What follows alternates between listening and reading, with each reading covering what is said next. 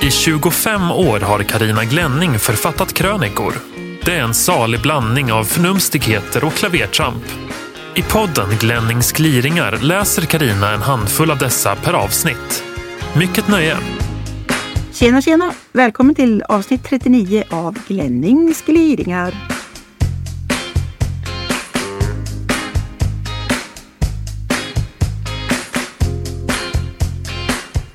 Låt Vickan bestämma själv.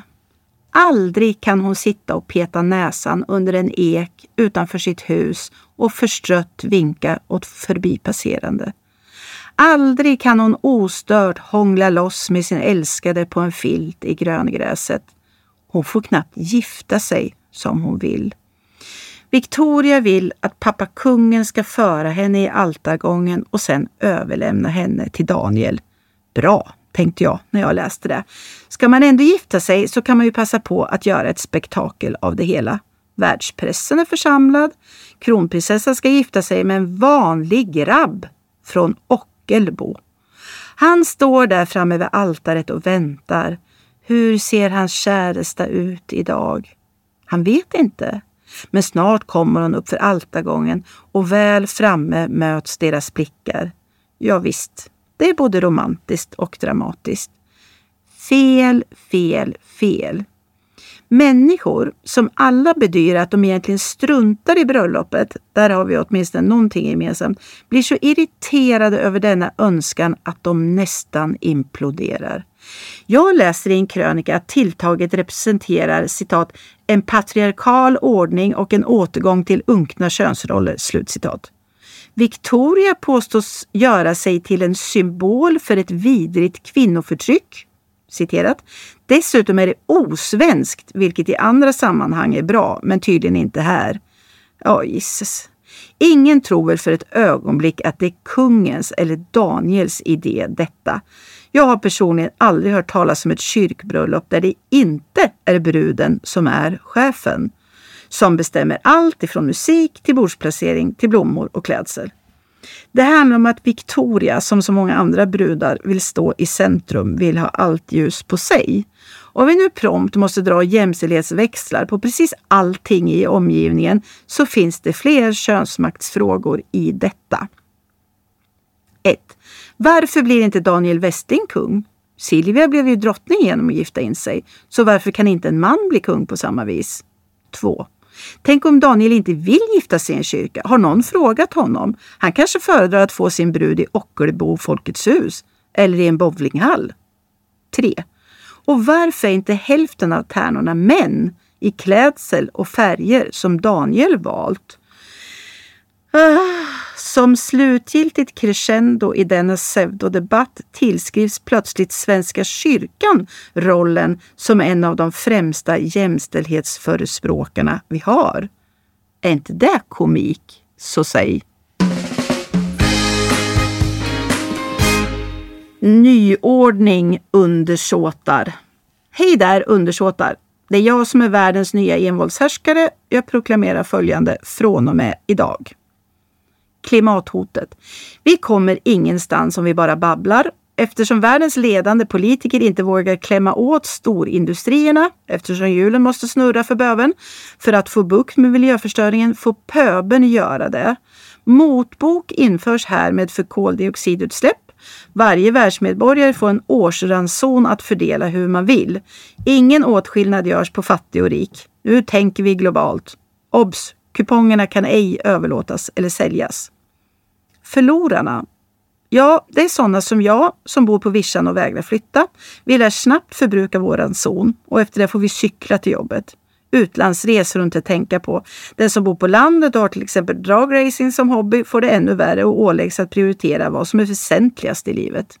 Vinnarna då? Ja, men det är ju stadsbor med miljövänlig hobby som orientering, hundar och sånt. I framtiden är de de enda som får kupongerna över att resa utomlands för. Arbetstillfällen? Ja, mängder av människor inom olje-, bil och turistnäringen kommer härmed att förlora sina jobb. Inga problem, de ska omskolas till kontrollanter, konsulter och skogsarbetare. Motboksreglerna måste efterlevas. Kontrollanter Och eh, eftersom många inte kan hålla koll på sina pengar kommer många också röra till det med sina koldioxidkuponger och behöva rådgivning, det vill säga konsulter.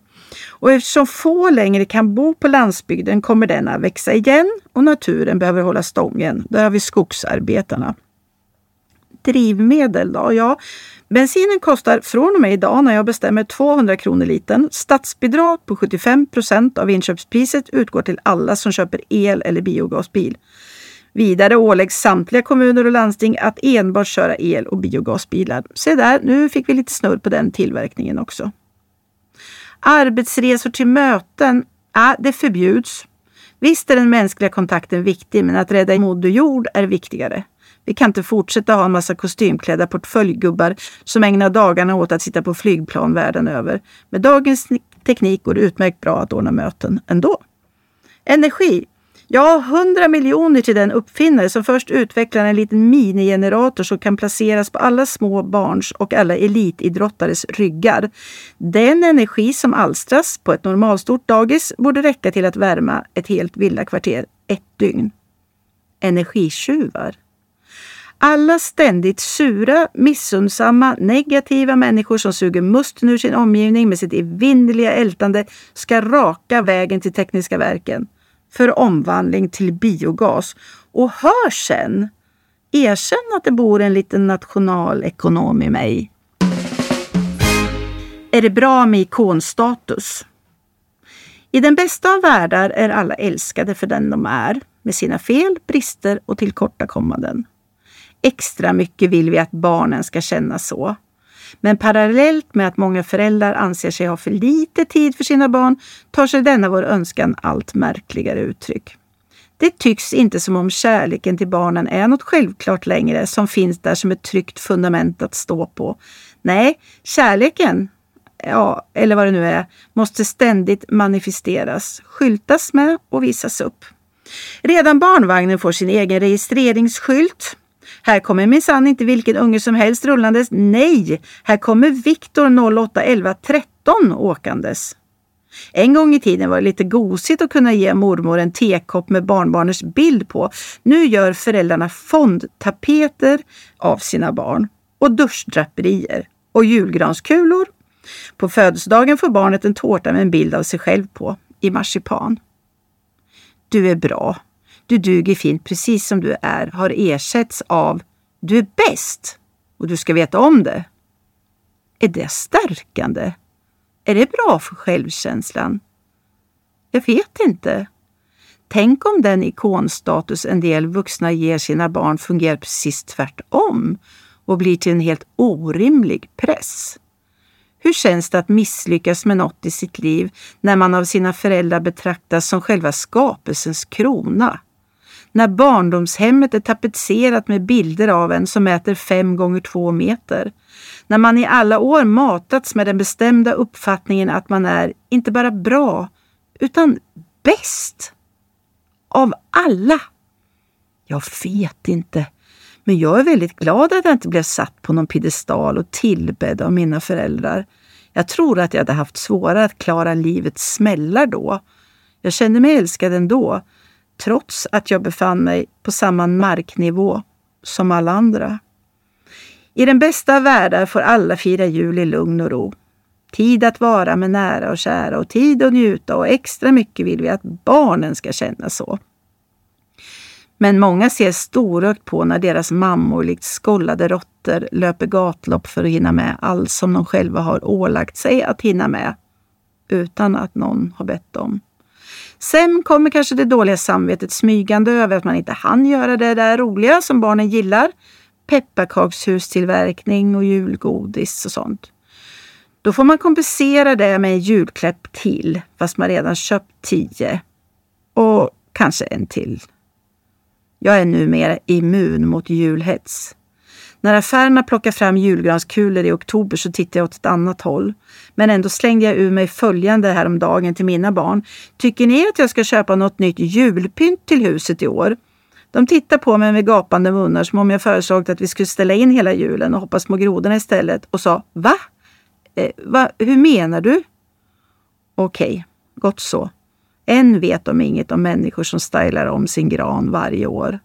Än vet de inte att det i år är svart och kitschigt ryskt som gäller för pyntet.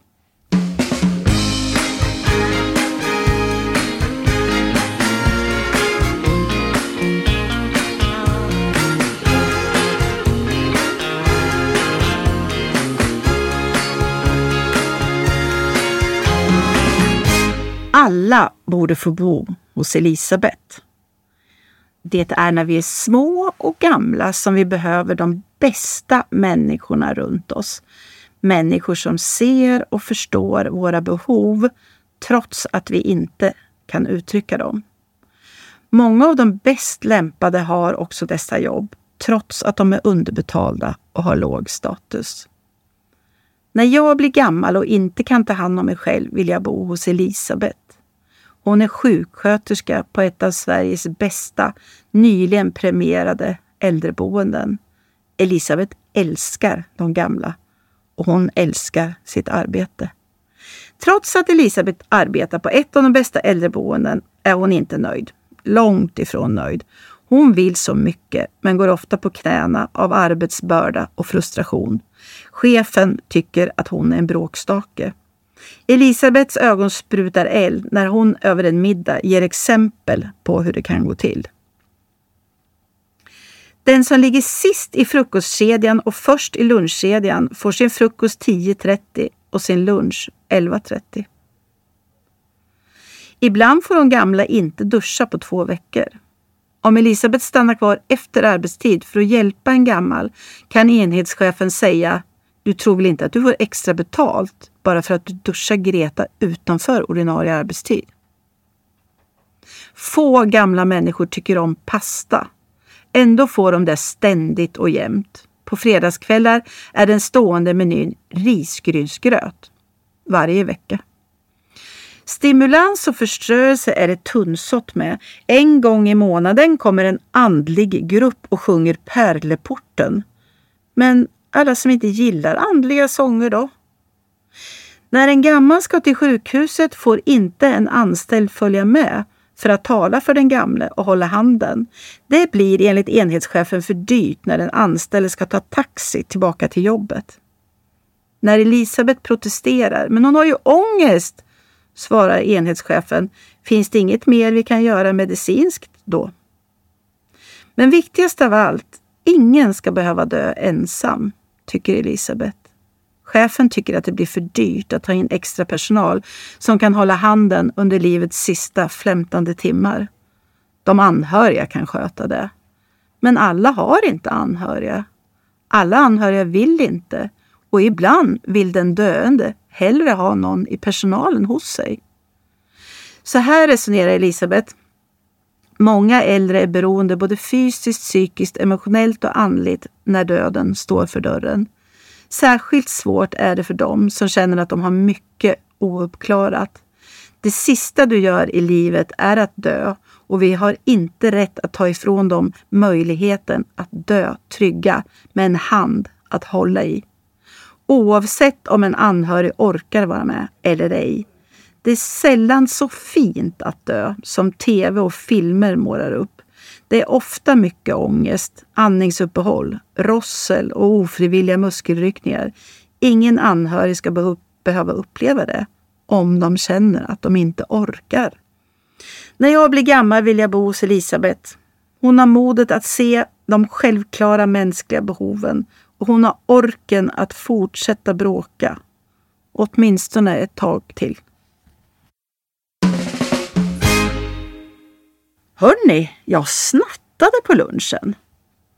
Tänk om jag kom tillbaka från lunchen och stolt berättade för kollegorna att jag hade snattat en dubbeldime på Hemköp. Då skulle de ju tänka att jag blivit knäpp. Om jag kom tillbaka från lunchen och malligt avslöjade att jag lagt ett parkeringskvitto istället för en sedel i Främlingsarméns bössa skulle de tänka att jag blivit skvatt galen. Och om jag kom tillbaka från lunchen och med högdragen pondus berättade att jag i bankomatkön och ur en rollator lyckats komma över en gammal tants plånbok, då skulle hon ringa polisen eller psykakuten. Förhoppningsvis. Inte i något av fallen skulle mina handlingar resultera i en fjäder i hatten. Tvärtom. Alla skulle i förakt vända sig ifrån mig. Att stjäla från en gammal svag människa är bland det vidrigaste man kan göra. Men är det inte det alla gör som fuskar med vabbdagarna? Är det inte det alla gör som öppet skryter om vilka totalt orimliga avdrag de hoppas få igenom i sina deklarationer? Den här synen att det är fritt fram att snå åt sig så mycket som möjligt av statens pengar, för de är ju ingens, den är häpnadsväckande. Många tycks tänka att eftersom så många andra fuskar så tänker jag också göra det. Jag såg ett aktuellt inslag om att allt fler brottslingar som den japanska polisen tar är gamlingar. Många fängelser har förvandlats till rena ålderdomshemmen. Förtvivlat förklarade de tandlösa brottslingarna inför kameran att den kriminella banan var deras enda chans att överleva. överleva. De är så hungriga. Strafftiden kunde erbjuda två livsviktiga ting som de saknade som vanliga fria medborgare, nämligen mat och tak över huvudet. Det är förfärligt att människor som är sjuka på riktigt blir utförsäkrade från Försäkringskassan. Men det är skitbra att det tas krafttag mot allt utbrett bidragsfusk. Jag kan stå ut med och till och med förstå att en utblottad åldring i desperation snor min limpa för att dämpa värken i magen. Men att fullt friska människor med fasta jobb snor av de skattepengar som ska gå till bland annat vård och omsorg om de svagaste, det står jag inte ut med. Det finns brott och det finns brott. Och alla skapar vi oss vår egen moral.